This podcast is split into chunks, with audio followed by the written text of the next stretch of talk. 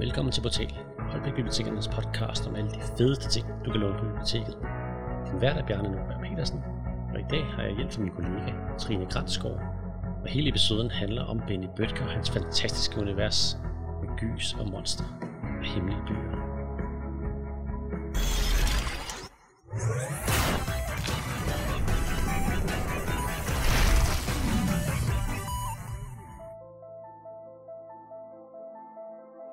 Benny Bøtker har skrevet en lang række af børnebøger, som især er uhyggelige, spændende eller ulækre.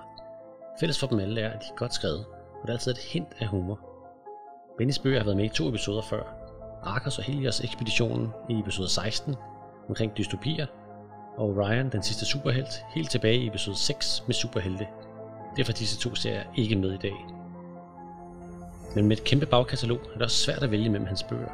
Så jeg starter med det mest naturlige, når det nu gælder Benny, tilbage i 2003 til Halloween. Da far er færdig med græskar, spørger jeg mor, om jeg ikke må gå ind til de nye naboer. Bare for at byde dem velkommen, som jeg siger. Selvfølgelig må du det, Lisa. Det er pænt af dig, men sørg nu for at være høflig. Det lover jeg på vej ud af døren. Og sørg nu for, at dit tøj ikke bliver beskidt, råber mor. Typisk mor at sige sådan noget. Jeg tror, hun ville sige det samme, hvis jeg sagde, at jeg stak af hjemmefra og aldrig kom tilbage. Regnen pisker ned, og vinden hyler. Jeg skulle tro, du var langt ude på landet, så mørkt er det. Jeg har taget pivs med mig. Jeg går til fortorvet og sørger for, at far og mor ser mig gå den vej. Så sniger jeg mig tilbage i vores egen baghave. Nede bag haven er der nemlig et hul i hækken, hvor man kan krybe ind til naboen. Det er den vej, jeg plejer at bruge. Inden jeg hilser på de nye naboer, vil jeg lige se mig lidt om. Man kan jo aldrig være for sikker. Jeg sniger mig hen bag huset. Der er et svagt lys i de to vinduer. På vores vej kan man altid se blå lys fra folks fjernsyn om aftenen. Det kan man ikke her. Jeg har også lagt mærke til, at der endnu ikke er sat en postkasse op. Til salgskiltet er heller ikke taget ned. Der er heller ikke nogen bil foran huset. Ikke engang cykel. Pjevs er helt ud af det. Først vil hun slet ikke med ind i haven. Hun væser, da vi nærmer os huset. Jeg prøver at få hende til at være stille, så vi ikke bliver opdaget. Jeg sniger mig ind til et vindue. Der er ikke meget lys, men jeg kan skimte nogle sterillys inde i huset. Der ligger nogle rødne planker fra huset rundt om i haven. Jeg ligger et pipe under vinduerne, så jeg kan nå op og kigge ind. Men jeg er stadig svært ved at se, hvad der sker inde i huset. En stor mand står med ryggen til. Han holder noget i hånden, der ligner et hoved. Det løber mig koldt ned ad ryggen. Han ligger der på bordet. Der er ikke noget blod, så måske det er en maske, så hører jeg manden sige, Åh, at være sig selv igen. Ja, skat, siger en stemme fra en person, jeg ikke kan se. Det lyder som en kvinde. Jeg fatter ikke, hvad de taler om. Jeg må stå på tag for at se ind. Men så lyder der et smil.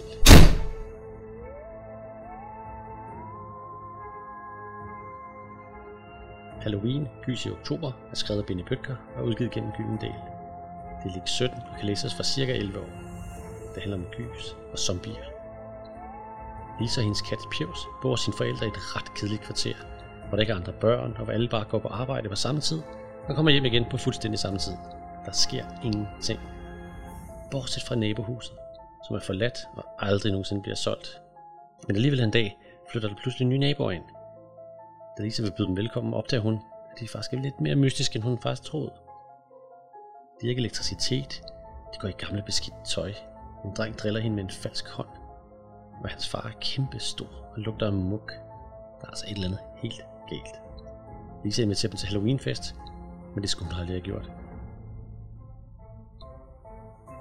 Bogen er illustreret af Morten Smet. Forsiden viser Lisa, der står skræmt med en stor trone skikkelse i baggrunden, der holder en gaffel. Forsiden virker ret uhyggelig. Der er ret mange farverige og hyggelige tegninger inde i bogen, og det pisker meget godt en stemning op. Der udkom mange gyser i starten af nullerne, men der var stort set ingen af dem, der turde skrue op for en stemning og så ikke lade den slut med en positiv overraskelse eller en misforståelse. Men det var Benny ligeglad med i sin debut, tror jeg. Det ender virkelig ikke godt for Lisa i den historie.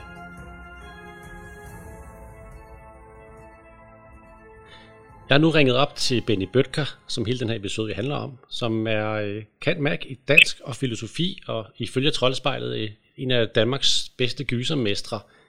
Velkommen til dig, Benny. Jo, tak. tak. Nu starter vi jo i dag med øh, din debut som hedder Halloween. Ja. Og øh, Jeg kunne egentlig godt tænke mig at, at få at vide, hvor, hvor ideen til den kom fra, og hvordan du fik lov til at udgive sådan en lille historie på det tidspunkt, hvor, hvor der ikke var så mange nye forfattere, der måtte komme ind med sådan nogle små historier. Ja, altså, det er faktisk lidt skægt, fordi at den kom selvfølgelig af, at jeg selv var meget begejstret for gyser, og specielt var begejstret for sådan øh, gammeldags øh, easy tegneserie gyser, og sådan nogle fra tegneserier fra 1950'erne, hvor der altid var sådan virkelig en twist indtil allersidst, øh, hvor der skete et eller andet ekstremt overraskende, og som altid var sådan lidt, øh, lidt øh, uhyggelige og lidt brutale og øh, meget overraskende. Så den, den kunne jeg enormt godt lide. Øh, men det skal ikke være, at så lavede jeg den her gyserhistorie, som handler om Halloween, Øh, og så sagde forladet til mig, at det kan man altså ikke. Der er ingen i Danmark, der ved, hvad Halloween er. Det er altså 20 år siden i år. Øh, og de havde fuldstændig ret. Der var jo ikke nogen Halloween-tradition i Danmark for 20 år siden, og ingen anede, hvad Halloween var. Så derfor så blev kompromiset, at de sagde, at øh, vi kan ikke kalde bogen for Halloween. Vi er nødt til at, øh, så må vi give det en undertitel. Så må den hedde øh, Gys i oktober. Så ved folk, hvad det er. så derfor kom den til Halloween Gys i oktober. fordi det er så ny en ting, at vi, at vi fejrer Halloween. Ja, det er der ingen, der havde blinket, nej. Men øh, du, du laver så også en twist der ved noget, fordi at, at det er jo en børnebog, som virkelig ikke slutter lykkeligt. Nej, det gør den ikke. Og faktisk så, øh, hvis ikke jeg husker meget forkert, så lavede den først som sådan en, øh, som sådan en øh, splatter tegneserie. Øh, og så blev så skrevet den om til at være en bog, øh, hvor den fik lov til at have lidt af det, af det meget groteske allersidst med i historien alligevel. Hvad, hvad var det, der fik forladet til at tage den ind, når den var så, så, så grotesk og specielt? Jeg tror, at øh, på det her tidspunkt var der også en, altså der var en begyndende bevidsthed om, at der var en mangel på bøger til ikke mindst drenge. Øh, altså, og specielt sådan det der med den letlæste bog, øh, hvor der var mange af de her letlæste bøger, altså dem, som ikke er så super stærke læsere, hvor historierne også var sådan, øh, øh, de var ikke så voldsomme, de var meget pæne, fordi hvis ikke du er så god til at læse, så kan du nok heller ikke tåle noget, der er alt for hæftigt. Øh, og der var der nok sådan en begyndende bevidsthed om, at det er noget vrøvl. Fordi at øh, dem, som øh, ikke er stærke læsere, de vil jo gerne have lige så, lige så øh, god underholdning som dem, der er stærke læsere. Øh, og når nogle af de her drenge, for eksempel, de, øh, de var måske ikke super glade for at læse bøger, men de kunne godt finde ud af at gå hen og se en film, eller læse en tegneserie, eller kigge på et computerspil. Mm. Øh, og de her film og tegneserier og computerspil, de handlede jo aldrig om øh, Per og Ute, der går en tur, og så finder en øh, blank sten på stranden. Det var jo altid øh, ting, hvor der virkelig var gang i den, hvor der skete noget. Så jeg tror, der var sådan, øh, man var begyndt at blive opmærksom på, at der bliver nødt til at være nogle bøger til de her læsere også. Øh, og hvis vi skal have fat i øh, nogen til at læse, også letlæsningsbøger, og vi skal have fat i de svage læsere, så må vi altså give dem noget, hvor der, hvor der er smæk på skillingen, og hvor der sker lige så meget, og hvor det er lige så spændende, som det, som de ellers selv kunne finde på at opsøge andre steder. Hvad fik der så dig til at skrive en, øh, en sådan splatter gyse historie, og så sendte den ind til et forlag? Jamen altså, jeg, havde, altså, jeg har skrevet historier siden jeg var barn, selvfølgelig. Øh, selvfølgelig siger jeg, det har de fleste jo, når de ender med at være forfattere. Og det var tit sådan øh, uhyggelige historier, gyserhistorier, krimihistorier. Det var den slags, jeg godt kunne lide. Og så lagde jeg det på hylden, da jeg blev sådan ung, fordi at, øh, jeg godt kunne se, at det, jeg skrev, var ikke godt nok. Og så begyndte jeg at skrive sådan nogle, øh, nogle meget mere sådan, øh, intellektuelle, prætentiøse historier, som var endnu værre. Øh, og så lagde jeg dem på hylden. Og så på et tidspunkt gik det op for mig, at det kunne også være skægt at bare prøve at vende tilbage til det, som jeg synes var det allerskæggeste i hele verden, nemlig øh, det, som jeg også selv synes var fedt at læse, da jeg var 12 år gammel.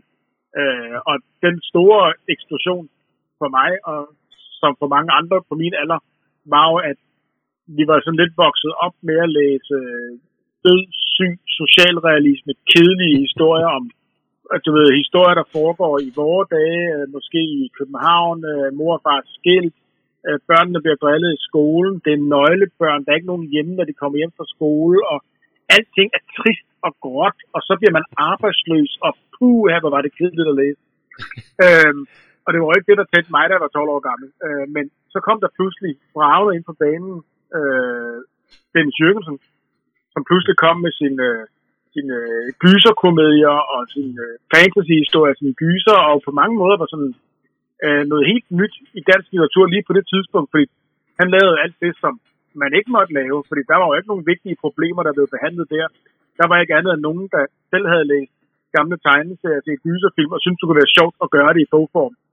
Øhm, Og han blev jeg vældig optaget af der, i den der alder. Øhm, så da jeg selv skulle til at skrive sådan for alvor for børn, så synes jeg, det var meget nemt at huske. Og det synes jeg stadigvæk, at det er meget nemt at huske, hvad det var, jeg synes var fedt, da jeg virkelig mærkede læselysten trænge sig på. Og det var ikke historie om at være arbejdsløs. og bo i København. Nej. Men øh, hvor mange fik du, bøger fik du sendt ind til forlag, før det lykkedes at få Halloween igennem? Jamen altså faktisk overhovedet ikke nogen, fordi at øh, jeg var så pinligt opmærksom på, at alt hvad jeg skrev, det simpelthen var for dårligt. Så jeg prøvede aldrig at få noget som helst udgivet i læsning, ting og konstateret, at det her, det kan godt være, at min mor og far klarer mig på hovedet, men det er der altså ikke nogen andre, der kommer til at gøre. Øh, så den første bog, jeg sendte ind, det var faktisk Halloween. Øh, så jeg har ikke sådan en, øh, en stak af afslagsbreve, øh, som hvis du taler med andre forfattere. Mm. Øh, men det var bare fordi, jeg selv lavede afslagene, inden der var nogen andre, der kom mig i forkøbet. Ja, det er smart. de fleste, jeg, jeg har snakket med, har i hvert fald øh, fået sådan en ordentlig stak, inden de gik i gang. Ja, altså der er jo, der er jo flere. Altså Kenneth Bøge Andersen kan jo fremvise en kæmpe stak, ikke? fordi altså, allerede som teenager var han jo i gang med at sende ind til forlag. Mm. Men nej, der, jeg, jeg, jeg vidste godt, at det ikke havde interesse for andre. Og heldigvis er alting også, har jeg også ødelagt alting på et eller andet tidspunkt. Så jeg har ikke, der er ikke nogen, der kan komme med nogle pinlige gamle manuskripter og vise dem frem. det er næsten ærgerligt. Lad os tage skridtet videre til, øh, til en af dine andre serier, som, øh, som er selvfølgelig også er gys og horror, for, øh, for det, som Trolls bare lader sige, en af de steder, hvor du, hvor du er stærkest. Men denne gang handler det om zombier.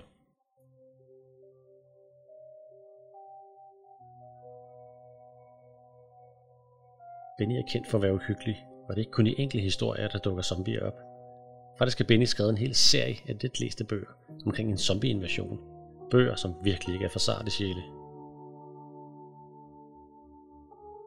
Chris sørger for at holde kæft. Der er ikke nogen grund til at vække opsigt. Han går ud fra, at han er alene. Han har ikke mødt nogen indtil nu. Men der var jo en lyd lige før. Men han har lyst til at juble højt. For endelig har han fundet noget at spise. Alt det han kunne ønske sig, og mere til. Her er hylderne nemlig fyldt med mad. Mad, som ikke er rådent. Region efter region med dåser og glas. Færdige retter. Lige til at spise. Det hele kan holde sig i overvis, hvis han ikke æder det med det samme. Der er kartoner med juice, kiks, chokolade.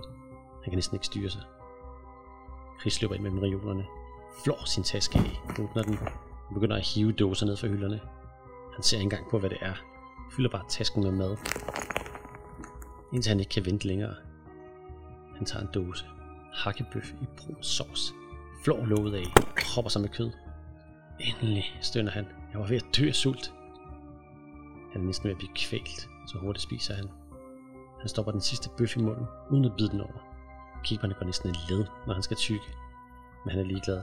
Han havde nær troet, at han aldrig ville spise igen. Men så stopper han. Han har fået øje på noget. Spytter resterne af sin bøf ud, dukker sig lidt, ser længere ind i butikken. Han stiller den tomme dåse fra sig, lister et par skridt længere frem. Hvad helvede, mumler han. Han går endnu et par skridt frem. Han ved, at han bør lade være. Det er for farligt. Han hælder burde forsvinde så langt væk som muligt. For længere ind mellem reolerne kan han se noget. Der ligger en mand på gulvet. Siden af ligger en til. Og længere inde endnu en. Det går op for Chris. Der er ikke noget at være bange for. Mændene rører ikke på sig. De er alle døde. Og det har de været længe. Det går op for ham, at de lugter rådent. Det er ligesom kødet i kølediskene. Bare værre. Han stiger på dem. Selvom det er ulækkert. Alle kroppen er kraftigt opsvulmede. Varmen har fået dem til at rådne hurtigt. Endelig vender Chris sig om. Han trækker vejret dybt. Hiver efter luft. Alligevel kan han mærke kvalmen. Han forsøger at kæmpe imod. Prøver at glemme synet af de døde. Men der er ikke noget at gøre. Kvalmen er for voldsom. Han bøjer sig forover, og så kaster han op. Alt kommer op igen. Stykker af bøf og tyk sov klasker ud på gulvet. Han hoster slim op, knækker sammen og kaster op igen. Stønner af anstrengelse. Så hører han en lyd igen. Han standser op, tørrer sammen munden, lytter efter. Denne gang er han helt sikker. Der er en lyd. Ikke langt væk. En lyd af skridt. Slibende skridt. Han er ikke længere alene. Chris ser sig op. Han kan ikke få øje på noget. Og nu stopper lyden af skridt. Han vender sig om. Og så skriger han. Foran ham står en mand i uniform. En vagt. Men han stikker rædselsfuldt. Hans hud er grålig og opsvulmet. Han ligner dem på gulvet. Ligesom dem er han ved at rådne. Ligesom dem er han død. Men han er også sulten. Og han har kurs direkte mod Chris. Zombie City 1, De Dødes By, er skrevet af Benny Bøtker og udgivet gennem forladet Korto. Det er skrevet med Lixen 16 og kan læses for 9 år. Det handler om gys, horror og selvfølgelig zombier. Der er sket noget, som bliver kaldt den store katastrofe. Verden er gået under, og der er fyldt med zombier. Men de her zombier kan føle smerte og være intelligente, hvis de ikke har været zombier så længe. Grundideen er på plads. De er sultne efter levende. De dør, hvis hjernen bliver smadret. Og hvis du selv bliver bidt, så bliver du også til en zombie. Chris han er helt alene, og er efter en eksplosion den eneste overlevende, som gemmer sig i en bunker.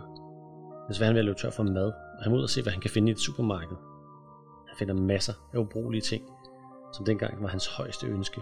Computerspil eller spillekonsoller. Men der er ikke længere strøm, der er ikke noget radio, tv, ingen gadelygter, der fungerer. Alt handler om overlevelse nu, og til Chris redsel er supermarkedet ikke så forladt, som han troede. Der ligger liv rundt omkring, og nogle af dem er heller ikke så døde, som de burde være. Han møder pigen Lea, som bruger en armbryst til at overleve. Hun har dog ikke tænkt sig at gemme sig i Chris bunker resten af sit liv. Hun vil rejse videre til de levendes land. Zombie City er tegnet af Simon Bukhave, der er ekspert i dystre sort-hvide tegninger. Der er mange hyggelige og flotte tegninger inde i bøgerne, som et perfekt supplement til historien, som er så mørk og dyster og uden udsigt til forbedring. Desværre kan forsiden ikke helt følge med. Det er som om farverne dræber den uhygge og spænding, der er i tegningerne. Forsiden viser en zombie helt tæt på, der forsøger at æde læseren med sine døde øjne, der stiger. I baggrunden ænges flere skikkelser med lysende øjne. Samme billede er også inde i bogen, hvor man tydeligt kan se forskellen mellem farve og sort-hvid. Men hvis man lader med at fokusere på forsiderne, så har man altså en uhyggelig og spændende historie foran sig. De fleste zombieserier er dystre, og hovedpersoner bliver bidt og dør på stribe. Det her er ikke nogen undtagelse, og man skal ikke være sart, når man læser serien. Når Chris tænker tilbage på, hvordan epidemien startede, slår historien over en jeg-fortæller. Det virker lidt mystisk, men man kommer hurtigt videre tilbage til historien. Zombie City består af fire bøger, men serien fortsætter i Zombie World med fire bøger, hvor drengen Mick må flygte fra den mest blodige amerikanske fodboldkamp nogensinde, og selv bliver smittet. Helt specielt følger vi efterfølgende ham som ny zombie, hvordan han forsøger at undvige mennesker, der vil slå ham ihjel. I zombie-pandemi følger vi Alex gennem tre bøger. Han er ny i en gruppe af soldater, der forsøger at udrydde zombieepidemien. Han er svært ved at slå ihjel, og det kommer til at koste ham dyrt. Zombie City-serien øh, er jo helt, helt op på, hvad det er, 11 eller 12 bind nu. Og, ja, ja, der er sådan kommet øh, forskellige spin-offs. Øh, og det var egentlig ikke meningen. Jeg havde bare mhm. skrevet den første serie, altså de første fire bind af Zombie City, øh, og så skulle jeg skrive noget andet. Og så blev jeg bare ved med at have lyst til at skrive videre i det univers. Og så må man jo en gang imellem adlyde det. Jeg har ellers, ellers tit så har jeg ikke taget sådan farligt mange bind i min serie, fordi der er så mange ting, jeg gerne vil prøve, og der er så mange ting, jeg gerne vil undersøge og kaste mig over. Men altså lige her, der havde jeg altså lyst til at blive ved. Øhm, og det er jo også fordi, at, at en ting er, at jeg selvfølgelig selv er stor zombiefan og har set virkelig mange virkelig dårlige zombiefilm. øhm, men andet er jo også, at jeg synes, zombiehistorierne næsten altid er så gode til at fortælle mange forskellige ting. Altså, det er jo i det hele taget det, som gyser kan for mig at se. Altså, at, øh, de har altid det her med, at en gyserhistorie eller en zombiehistorie, den har altid sådan det helt grundlæggende, den er spændende, den er uhyggelig. Øh, du vil gerne se, om der er nogen, der overlever, eller hvis ikke de overlever, så hvordan de ikke overlever. Mm-hmm. Øh, men der er også næsten altid noget andet med. Øh, og zombiehistorierne er jo sådan, er jo altid vidunderligt gode til at lave sådan historier om, øh, hvad sker der, når du bliver presset? Hvis nu, at øh, hvis halvdelen af jordens befolkning er forvandlet til zombier, og du selv skal til at overleve, hvad gør du så? Øh, hjælper du andre, eller, eller, eller er det hver mand, der kæmper for sig selv? Øh, bliver det sådan øh, borgerkrig, og øh, folk bliver reduceret til dyr, der slås mod hinanden, eller, eller, eller bliver opstår der nye fællesskaber? Altså, der er sådan en masse forskellige ting, man kan, man, de her historier kan komme til at handle om, øh, hvor zombierne nogle gange øh, nærmest bare er det, som sætter historien i gang. Øh, og så havde jeg det så lidt skæg med, at da jeg så havde lavet Zombie City, så synes jeg, det kunne være skægt. Det var derfor, jeg ikke kunne lade være med at fortsætte. Jeg synes, det kunne være skægt at prøve på at sige, okay, men hvad nu hvis vi vender den om og siger, hvad nu hvis hovedpersonen er zombie? Fordi alle zombie-historier handler om, at øh, vi bliver truet af zombier, når det gælder om at slå dem ihjel og komme af med dem. Men hvad nu hvis du er en zombie, og alle menneskene er efter dig, og gerne vil slå dig ihjel. Det kan da heller ikke være rart.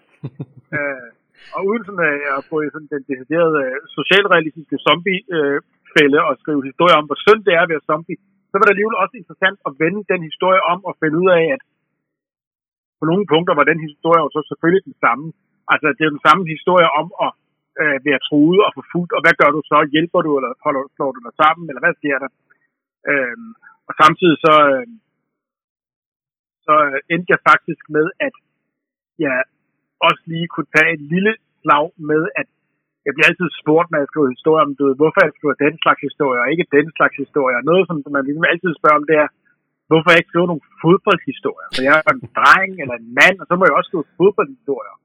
Og det gør jeg jo selvfølgelig ikke, fordi altså, der er mange ting, jeg synes er spændende her i verden, men fodbold er ikke en af dem. Øh, selvom at jeg er en dreng, og fra, fra den gang, hvor man skulle spille fodbold for at være en dreng. Øh, men jeg kunne alligevel lave det sådan i zombie-form, ikke? At starte med en historie om uh, to fodboldhold, der spiller mod hinanden, og så viser det sig selvfølgelig, at det ene fodboldhold er zombier og går i gang med at æde det andet fodboldhold. Fint nok. Så kan vi kalde det en fodboldhistorie. så er amerikansk fodbold. Ja, ja så skulle jeg lige have gået skridtet videre og lavet min, min, min hesteserie med heste, der er blevet inficeret af zombie-virus. Det, det er sjovt, du nævner det der med, med heste og zombier, fordi det er faktisk en af de ting, jeg havde tænkt mig at spørge dig om, om, øh, om hvordan Zombie City-sagen skulle fortsætte. Fordi det er nok den eneste børnebogsserie, jeg har set, hvor det faktisk er zombiernes side, man tager det fra. Og øh, ja, hvordan, ja. hvordan tager man den videre, så det bliver endnu mere overraskende næste gang? Altså, øh, egentlig så havde jeg tænkt mig at lægge den graven efter at have lavet øh, den hedder Zombie World, ligesom havde zombiernes perspektiv. Øhm, og så, så havde jeg ligesom tænkt, at nu er jeg færdig med det her. Øh, og så var det faktisk, at vi så havde øh, corona-nedlukningen, øh, hvor jeg sad hjemme, fordi at øh, min skole gik i skole, mine børn gik i skole, og det vil sige, det gjorde de jo så ikke. Øh, så jeg sad derhjemme og prøvede på, ligesom at, på at kæmpe for at få en lille smule arbejdstid en gang imellem. Og lige der i begyndelsen af corona, øh, der var alting jo pludselig som et, som et déjà vu. Fordi at så lige de der første dage der, hvor man stadigvæk ikke vidste, hvilken vej de ville gå, hvor hver dag stod sådan bare på nye skrækhistorier, og man så billederne fra Italien med de døde, der blev kørt ud af Bergamo og så videre, og man, og man lige havde den der følelse af, at, at, at, at sådan apokalypsen, der er på vej her, øh, bliver det bare værre og værre. Der vil aldrig nogensinde komme en vaccine. Øh, øh, folk vil bare øh, dø rundt omkring os som fluer, og flere og flere bliver smittet, og man må isolere sig selv. Og pludselig lignede alting bare en zombiehistorie. Altså, jeg havde på ligesom, at det her det har vi jo prøvet før. Det har vi set på film, og det har jeg skrevet bøger om. Øhm, derfor så blev jeg ligesom nødt til lige at tage en tur mere, og så skrev jeg de tre bind, der hedder Zombie Pandemi. Mm. Øh, fordi at det var jo oplagt, at zombier er, er, er en smitsom sygdom på samme måde. Øh, så der skrev jeg sådan uh, tre historier, som, uh, som uh, ligesom tog udgangspunkt i at sidde der og og ikke vide, hvordan det hele skulle udvikle sig. Men så tror jeg altså også, at, at zombierne er, er slut for nu. Øh, på den anden side har jeg sagt det før, så og zombier har det jo med at være døde, der ikke forbliver forblive døde, så det er ikke, så det er meget muligt, at de genopstår på et eller andet tidspunkt. Og du forklarer jo aldrig, hvor epidemien kommer fra, andet det er en eksplosion af noget radioaktivitet. Ja, men altså, jeg har prøvet faktisk at, at, at nedtone det der med forklaringen, fordi at Øh, det var ikke, fordi jeg ikke øh, gad eller prøvede at springe over, hvad gæret var lavest, men jeg synes tit, at det, som er interessant i en zombie-historie, det er, hvad der sker. Altså, hvad er det, det tvinger folk ud i? Hvordan er det, samfundet kommer til at se ud? Hvordan er det, mennesker kommer til at se ud, når der er sket et eller andet? Og om dette et eller andet er øh, øh, et øh, atomudbrud, eller en virus, eller en borgerkrig, eller en mystisk stråle fra rummet, eller hvad det er, er jo lindrende ligegyldigt. Det, der er spændende, det er, hvad sker der så? Øh, og nogle gange så kommer nogle af de her, øh, den her type historier så sådan lidt til at fortabe sig i, at de prøver på at sandsynliggøre, hvad er det, der er sket? En mystisk, elektrisk impuls, der har ramt verden. Et eller andet. Men det er jo ligegyldigt. For det er ikke det, der er historien. Historien er, hvad sker der med menneskene, når det er sket? Nu er Zombie City udgivet øh, på dit eget forlag, Korto. Ja. Hvordan øh, ændrer det processen som forfatter at, at have sit eget forlag? For er det ikke sværere at, øh, at, at, sådan, at få trumfet den igennem, uden, uden at, at der er så mange øjne på, at man er sikker på, at der ikke er fejl i den, eller at, at, at den kommer ud de rigtige Jamen, steder? Altså, øh, øh, Zombie City havde faktisk egentlig en aftale med et andet forlag om, men så, men så nåede jeg at få den her idé, at jeg gerne selv ville prøve at lave forlag, og så skyndte jeg mig at, at hive den tilbage og sige, okay, jeg vil gerne lave den selv i stedet for. Mm. Øh, og det gjorde jeg lidt, fordi at øh, for det første, så kunne jeg også se, at jeg godt kunne. Jeg havde selv prøvet at arbejde på forlag, øh, og har i det hele taget prøvet nogenlunde alt i bogbranchen. Jeg har arbejdet på forlag, jeg har arbejdet i boghandel, jeg har været anmelder, jeg har været konsulent, jeg har været oversætter, jeg er forfatter, så jeg vidste godt, at, at jeg vidste godt, hvad der skulle til, for at man lavede en ordentlig bog, og man ikke bare kom til at lave et eller andet øh, hjemmelavet tjusk. Øh, og jeg vidste også godt, at man er nødt til at øh, ikke bare tro, at man skal lave det helt selv, men at man skal sørge for, at det ikke er ens øh, søde kusine, der tegner tegningerne, men det skal være en professionel tegner, der får løn for sit arbejde, det skal være en professionel korrekturlæser, og, og at man ligesom skal, skal have de rigtige folk til at hjælpe sig. Øh, og så havde jeg også lidt erfaret med tiden, at øh, det er 10 år siden, og forlagene var blevet mere og mere presset, og prøvede på mere og mere at spare på pengene, så nogle gange så sparede vi faktisk korrekturlæseren væk, og nogle gange sparede vi grafikeren væk, og der kunne jeg jo godt se, at jamen, så lavede de jo faktisk ikke en, en, en bedre bog, end den jeg selv ville kunne gøre, hvis jeg hyrede de ordentlige folk. Øh, men den vigtigste årsag var egentlig, at jeg vidste, at det ville jo give mig en mulighed for at øh, springe nogle beslutninger over. Øh, at jeg kunne få lov til at lave nogle ting, som jeg synes var skækkere, uden at jeg skulle spørge en masse mennesker om lov. Så noget af det, jeg for eksempel gjorde, det var, at Zombie City var en serie, som sagtens kunne nå udkommet alle andre steder. Øh, men en af de næste, jeg lavede, var en serie, der hed 666, som var sådan en gyserserie i ni bind, hvor jeg havde fået den idé, at det kunne være sjovt at lade tegnere fra hele verden tegne serien. Så der var øh, to spanier, en fra Rumænien og en amerikaner, og forskellige folk fra hele verden, der tegnede serien. Øh, og det var sådan en ting, hvor at, det vidste jeg jo godt, at hvis jeg skulle have et forlag til det, så skulle jeg til at sige, hvad, øh, synes ikke, det er en mega god idé, og så ville forlaget sige, jo, det lyder da spændende, hvordan gør man det, hvordan får man en udlænding til at tegne, og er de ikke alt for dyre, og det lyder meget besværligt. Øh, og når jeg gjorde det selv, så var det jo nemt nok. Så kunne man bare sige, fint, jeg synes, det er en god idé. Jeg skriver til en tegner fra Rumænien. Har du lyst? Ja, det havde han. Okay, fint nok, så gør vi det. Meget nemmere. Øh, og jeg kunne også lave nogle ting, som var sådan lidt mere øh, ambitiøse, forstået på den måde, at jeg har lavet et par bøger, som havde nogle, øh, nogle samarbejder med andre. Altså jeg lavede en, øh, en novellesamling, der hedder Den Dobbelte Grav, som også er gyser, hvor jeg lavede en lille klæde, som hører med til. Øh, og jeg har også lavet nu her for nylig en, øh, en fantasy-roman, der hedder Grimyr, hvor der også hører et soundtrack til. Og begge tilfælde er også noget, hvor at, igen, hvis jeg havde spurgt et forlag om det, så ville de nok have sagt, ah, det lyder godt lidt dyrt, og hvordan skal vi få nogen til at lave musik til, og hvordan gør man det, og, og når jeg gør det selv, jamen så, øh, så er det jo meget nemmere. Så øh, siger jeg, ja, selvfølgelig kan man det. Det har jeg lyst til, så jeg får fat i en musiker, og jeg får lavet en plade, og det, det kan, alt kan lade sig gøre, hvis man, hvis man gør det selv nogle gange er der lidt for mange, der skal spørge, som også skal involvere et forlag. Øhm, så, så det har meget været et spørgsmål om at få øh, noget frihed til at gøre nogle ting. Til gengæld så er det jo sværere at sælge bøgerne, når man laver det selv, fordi at man ikke så har en, øh, helt reklameafdeling og en salgsafdeling og alt muligt andet. Derfor gør jeg sådan lidt det, det har jeg gjort hele tiden, at jeg sådan lidt veksler. Nogle gange udgiver jeg bøger på de etablerede forlag, øh, og nogle gange så laver jeg dem selv. Jeg laver dem som regel selv, hvis jeg synes, at at det, jeg gerne vil lave, det er noget, der er sådan lidt mere ambitiøst og lidt mere besværligt. Jeg kan også godt lide at lave bøger, som er sådan lækre. Øh, bøger, som er sådan, øh, øh, som også bogmæssigt er godt håndværk, lærredsryg og læsebånd og mm. sjove effekter og sådan noget.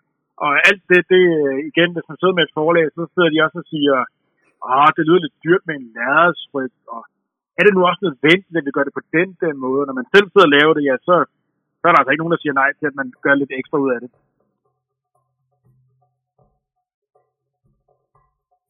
Benny er dog ikke kun rejsende i splatter og gys.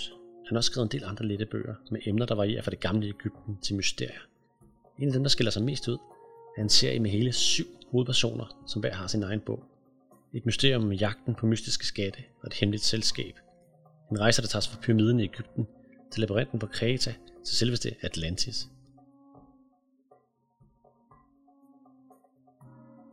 Aldrig har jeg været så bange, sagde Annika. Hun så rundt på de fem andre børn. Også for deres navne, hvis hun intet om dem. Hun havde aldrig set dem før i aften. Jeg var på rundvisning i Keops-pyramiden i Ægypten, fortsatte hun. Altså ikke alene. Jeg var der sammen med mine forældre. Har I nogensinde været der? De andre børn rystede på hovedet. Undtagen en af drengene, der bare sad og sms'ede. Han havde gært, og prøvede vist at virke lidt rå med sit bandana tørklæde. Pyramiden er enorm, sagde Annika. Det kan godt være, at den ser stor ud på filmen, men i virkeligheden er den gigantisk, som et kæmpestort bjerg, og måske 150 meter høj. Det er ret vildt. Men vi gik altså rundt derinde. Det må man kun, hvis man er på sådan et guided tur. Og vi var sammen med en masse andre turister. En hel flok. Forrest gik en turistfører med et stort lygte og lyste op. Det var helt mørkt derinde. Og koldt. Vi havde været over en time og set alt muligt. Nu var vi nede i bunden af pyramiden, hvor der var et underjordisk kammer. Midt i det hele er der en brønd. Rundt om den et gitter, som ikke falder ned. Guiden lyste for os, så vi kunne se, at der var sand langt nede i brønden. Ingen ved, hvad der gemmer sig under sandet, forklarede han. Eller hvor dyb brønden egentlig er. Det var det sidste, vi skulle se på turen. Derefter begyndte vi at gå ud igen. Vi gik samme vej ud, som vi var kommet ind. Op ad en lang skrågang, der fører helt ud af pyramiden. Jeg holdt mine forældre i hånden. Og alligevel var det lidt ubehageligt at være der. Der er ikke nogen vinduer eller noget lys. Og så er pyramiden altså mere end 4.000 år gammel. Ingen ved egentlig, hvad der gemmer sig derinde. Hvor mange rum der er, eller hvor mange skatte. Eller mumier, afbrød en af pigerne. Det var hende, der hed Sofie. Hun havde en lyserød cardigan og matchende kjole og forsøgte at smile lidt så sukkersødt. Annika ignorerede hendes morsomhed. Vi gik altså op ad gangen, fortsatte Annika bare. En efter en, for der var ikke ret meget plads. Pludselig læner min mor sig ind til mig. Prøv at se derovre, sagde hun og pegede lige frem. Er det ikke en stendør? Hvad må der inde bag den? Det ved jeg godt, svarede jeg. Jeg havde hørt efter, hvad guiden havde fortalt. Han sagde alting på engelsk, fransk og tysk. Og selvom jeg ikke forstod alt det sprog, så kan jeg alligevel fange enkle ord. Jeg tror, det er den skak, der fører op til dronningekammeret. Tror du virkelig, sagde min mor. Hvor vil jeg gerne vide, hvad der egentlig gemmer sig derinde. Lige siden jeg var på din alder, har jeg været optaget af pyramidernes hemmeligheder. Jeg tror ikke, man vil gå derind for guiden. Ah, du har sikkert ret, men hvad er det dog ærgerligt? Jeg så på min mor. Hun så ud, som om hun var ved at gå til af nysgerrighed. Så besluttede jeg mig for at tage et kig derinde. Hun smilede og lovede, at hun nok skulle sige til, hvis guiden opdagede mig. Jeg så mig op til alle sider. Så åbnede jeg forsigtigt døren på klem. Det var svært. Det var sådan en stendør, den er altså tung.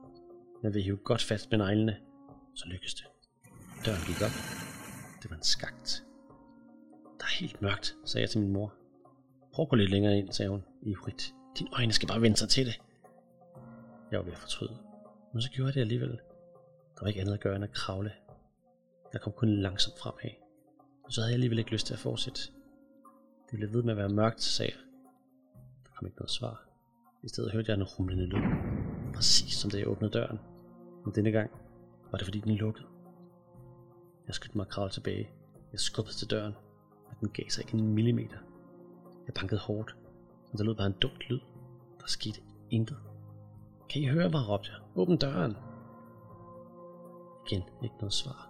Ingen lyd kunne trænge gennem de tykke stenvægge. Og så gik to ting op for mig. For det første, at vi var dagens sidste hold på turen.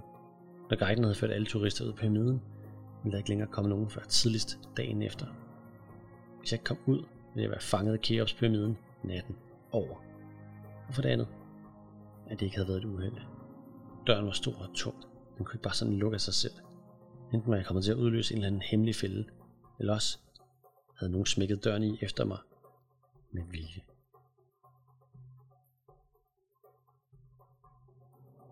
Det syv nøgler nummer 1, Annika, er skrevet af Benny Bøtker og udgivet gennem Gyldendal. Er skrevet på Lix 23 og kan læses for 10 år. Det handler om mystik, Ægypten og Stonehenge. Seks børn mødes på et børnehjem nord for København. Alle børn, som ingen vil savne, og med hver deres utrolige historie. Nana går i slidte jeans og læderjakke med badges og nitter. Esben går i streetbukser og har en baskettop. Sofie går i en fin lyserød kjole og har et meget sukkersødt smil. Gert prøver at virke grå med sin bandana tørklæde og stiger konstant på sin telefon. Han har faktisk forældre, og de er ret ligeglade med, hvad han laver. Louise har hættetrøje og piercinger i næsen, militærstøvler og afbladet pagehår. Annika er hovedpersonen i den første historie. Hun er hændefarvet hår og er vegetar. Hun mistede sine forældre, da hun var lille, og har været på børnehjem og haft flere plejefamilier. Men en dag blev hun hentet af familien Rosenstjerne, der fortæller, at de havde en aftale med Annikas forældre om at passe på hende, hvis der skete noget med dem. Det var lidt mærkeligt, at hun er fyldt 12 år, før de rent faktisk finder hende. Derudover tager de hende straks med og rejse til Ægypten for at besøge den store pyramide Keops. Hendes plejemål lokker hende til at åbne en hemmelig dør til dronningekammeret, og døren smækker bag hende. Pludselig er hun fanget i pyramiden, og der dukker præster op for fortiden, når hun vil flygte. Med sig på børnehjemmet har hun en genstand, som er en del af de syv nøgler. De andre børn har lignende historier og bærer alle en nøgle. Men hvem har sat alt det i værk? Og hvad sker der, når alle nøglerne er samlet? Serien er tegnet af Morten Schmidt, der tegner dynamisk og spændende forsider, der passer i temaet til de syv børn. Den første viser Annika, der løber ned ad en mørk gang i en pyramide. I helen er der flere folk med fakler. Man aner hieroglyffer og en stor Anubis-statue i baggrunden. Inde i bøgerne er der også flere, både sort-hvide og farverige illustrationer, der supplerer historien fantastisk. Alle bøgerne er udover at være spændende og også i. Ikke sådan for viden omkring bogens tema, og til sidst er der også facts. Selvom historien er brudt op, så man halvt hører flashbacks og halvt følger børnene og fortæller om deres oplevelser i en stue, præsterer historien faktisk stadig at være spændende. De mange skift, utallige hovedpersoner og de mystiske ting, børnene de oplever, kan ikke forklares. Og det afbryder slet ikke handlingen, så meget man skulle tro, at de bare sidder og fortæller det til de andre, og man faktisk ved, at de overlever. Man er med fra start til slut.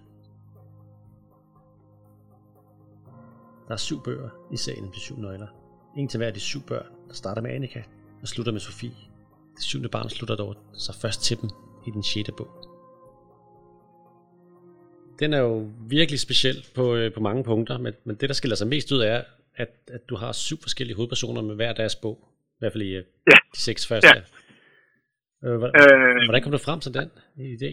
Jamen altså, jeg havde sådan en uh, idé om, at det kunne være skægt at prøve på at lave en variant af sådan den klassiske uh, børn, der tager ud på eventyr og oplever et mysterium historien. Men jeg vil også gerne lave noget, der var lidt noget andet. Så derfor så kom jeg meget hurtigt frem til, at jeg synes, det kunne skægt at prøve at lave en historie, hvor øh, du hver gang kun får en bid af løsningen på den store gåde. Du får en lille brik, og så er det først, at du har læst alle syv bøger, at du får det samlede billede. Øh, og det er sådan noget med, at der er, det, der er det et spor i bøgernes titler, fordi hver bog har så navn efter hovedpersonen i den enkelte bog. Så den første bog er Annika, den næste bog er Nana, og den tredje bog hedder Gert og så videre.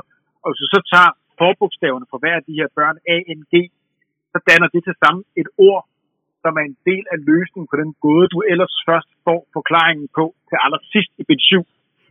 Øhm, og det vil også sige, at det blev sådan relativt kompliceret at sidde med, fordi jeg sad med en historie, hvor jeg skulle være sikker på, at, at alle syv dele gik op i en højere enhed, når man kom frem til bind 7.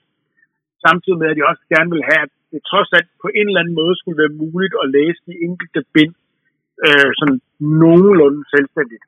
Fordi det nytter jo ikke rigtig noget, at man står derude på bibliotekerne, og så øh, kan man aldrig nogensinde fat på bind 1, og så kommer man aldrig nogensinde i gang med serien. Så det skulle også være nødvendigt, at man sådan kunne man kunne læse dem uafhængigt af hinanden. Og så øh, brugte jeg en masse tid på at prøve på at øh, få de her historier til at finde sted på sådan nogle af de store, gådefulde, mystiske steder i verden, som vi kender fra mytologi og overtro og så videre. Altså Stonehenge og Atlantis, og, øh, og så til allersidst selvfølgelig øh, øh, en lille ø i Øresund, så bragte det lidt tættere på øh, til allersidst.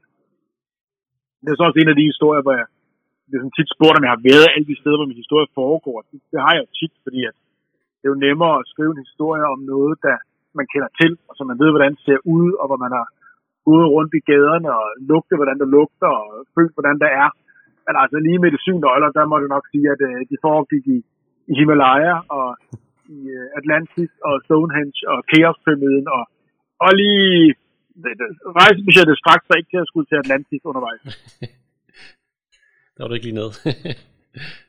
Nej, men, øh, men, jeg tog, øh, men jeg tog rutebåden fra, øh, fra Nyhavn, da jeg skulle skrive jeg skulle skrive ben 7 og allerede fra øh, bog 2 var der også et andet hent inde, inde, inde på side 1, hvor, hvor, du, hvor børnene er tegnet og kiggende op på sådan et mystisk blåbæragtigt væsen, der flyver ned imod dem.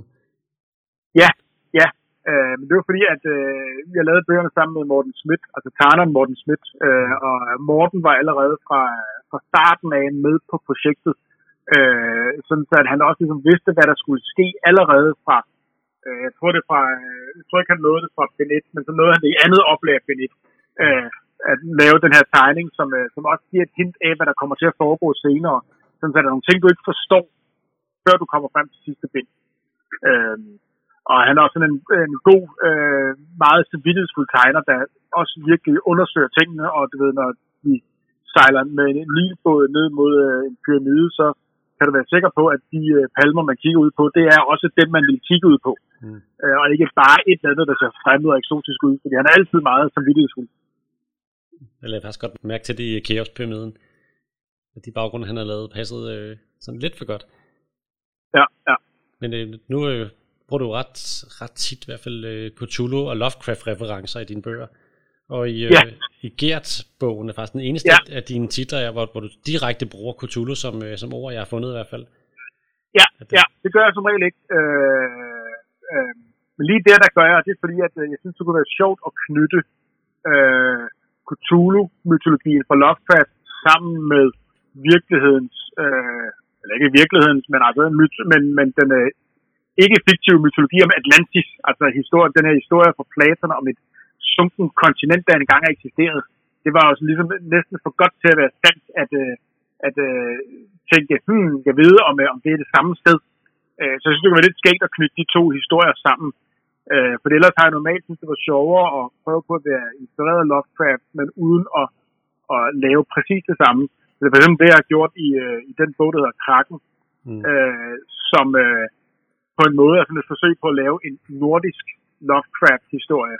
Sådan så at Kraken, det her store søuhyre, det selvfølgelig er den nordiske form af Cthulhu, og, øh, og alle de forskellige steder, som man kender i, og begreber, man kender fra Lovecraft, øh, bliver overført til noget nordisk. Så den her kraken, den kommer fra øh, den sunkne by Reykjir, som øh, hos, hos øh, Lovecraft hedder noget andet.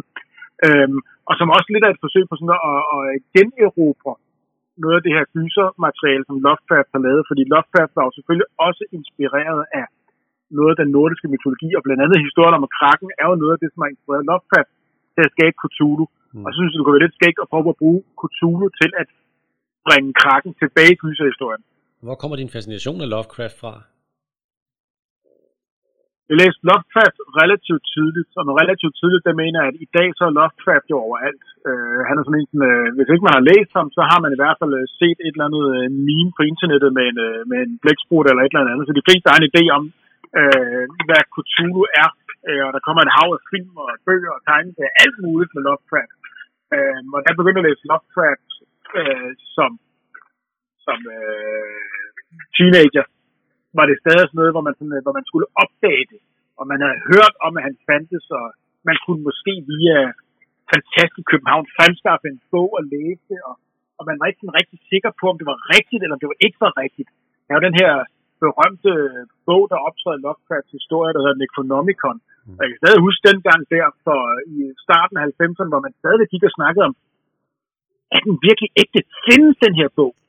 øhm, så, øh, og det, som var så fascinerende, og som stadig er fascinerende, det er jo det her med, at Lovecraft lykkedes at lave et univers, som var så omfattende. Altså, at øh, de enkelte historier på en eller anden måde forbinder sig til hinanden, og, og man mærker, at der er sådan en mytologi og noget, som er endnu større end bare den enkelte historie, øh, og, som, øh, og som kan bruges overalt. Øh, du kan altså nemt som ingenting forestille Lovecrafts historier, der foregår hvor som helst og når som helst. Øh, jeg snakkede lige i går med en, som øh, fortalte om en Lovecraft øh, inspireret historie, øh, han kendte selv, som foregik sådan i 1700-tallets England, sådan et Jane Austen møder H.P. Lovecraft. Og det er sådan meget frugtbart. Man kan meget nemt forestille sig det. Og noget af det første, jeg skrev, da jeg begyndte at være seriøs om at skrive, var sådan rene kopihistorier øh, af Lovecraft. Øh, og de var selvfølgelig fuldstændig ubrugelige og elendige, øh, men det er jo fordi, at det er et univers, som er så nemt at forestille sig, at man selv kan gå i gang med at finde på historier til. Øhm, og jeg synes ikke, det er specielt interessant at lave, øh, lave noget, der bare ligner Lovecraft. Men, men, men, men jeg kan godt bruge inspirationen i dag på mange andre måder, øh, til mange andre typer af historier. Og de der easter eggs ligger så rundt omkring øh, i dine bøger? Men helt klart, der er, ja. der er Lovecraft mange forskellige steder, uden at der øh, står Cthulhu af den grund. Mm. Hvis du hopper videre til en af dine andre øh, det, det Cthulhu-inspirerede øh, værker, som er altså, din første tegneserie.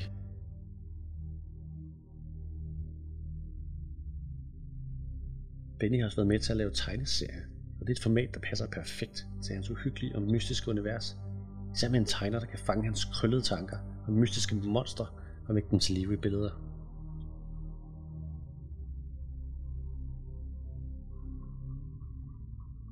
En hestevogn kommer ridende med prusende heste.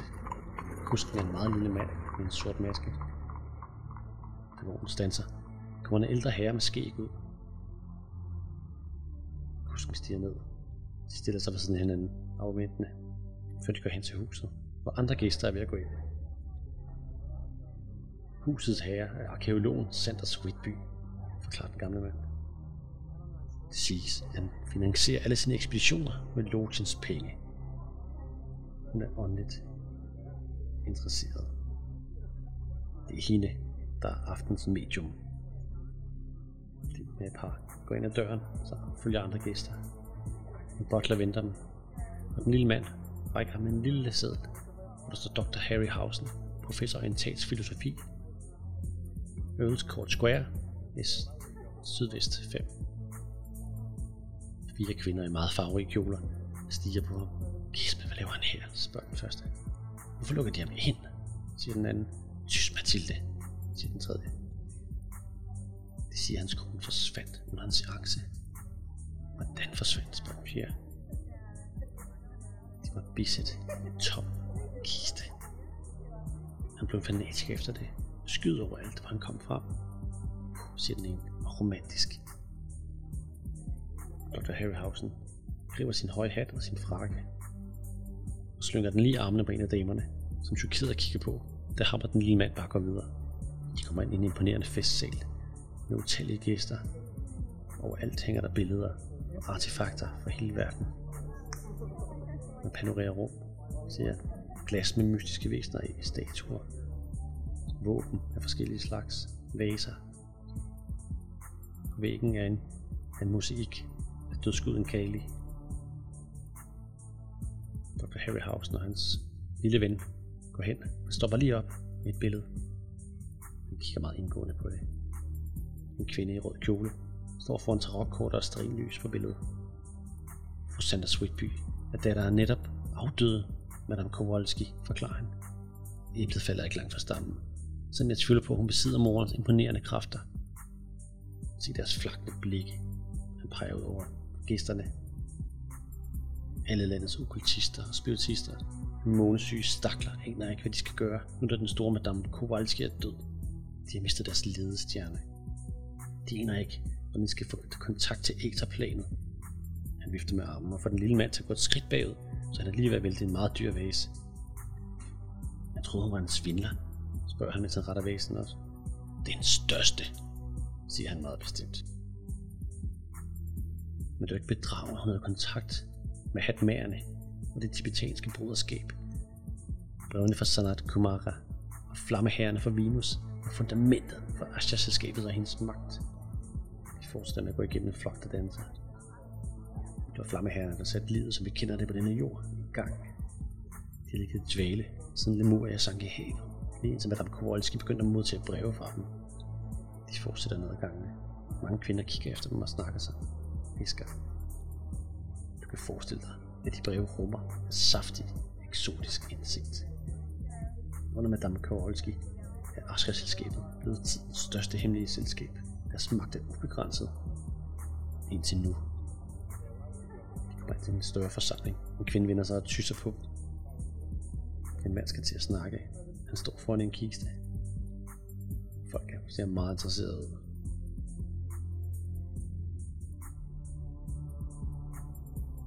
Monculus Monkelus 1, Slangeilden, skrevet af Benny Bøtger, udgivet gennem forlaget Fahrenheit. Det kan læses for 10 år. Det handler om spænding horror. Der findes et univers, der overlapper vores. Det kaldes æterplanet, og det er usynligt for de fleste. Folk går rundt med skyklapper og trives ved siden af farer, de ikke kan sanse. For få kan se planet gennem drømme eller specielle evner, men det er en rædselsvækkende oplevelse, for æterplanet er fyldt med virkelighedsforrængende elementer og monstre. Desværre på det seneste er der begyndt at komme sprækker ind til vores virkelighed. Dr. Harryhausen er en gammel vred okkultist, der forsøger at stoppe Æderplanets monstre endnu ind i vores verden. Han mistede sin kone for år siden under en seance, og lever nu sammen med sin homunculus, der er vokset ud af en klump kød. Han skal bruge den som våben, fordi den kan se Æderplanet. Men om det er hans ven, eller bare et våben, det må tiden vise. En berømt okkultist, Madame Kowalski, er død, hendes datter skal overtage Asher-selskabet.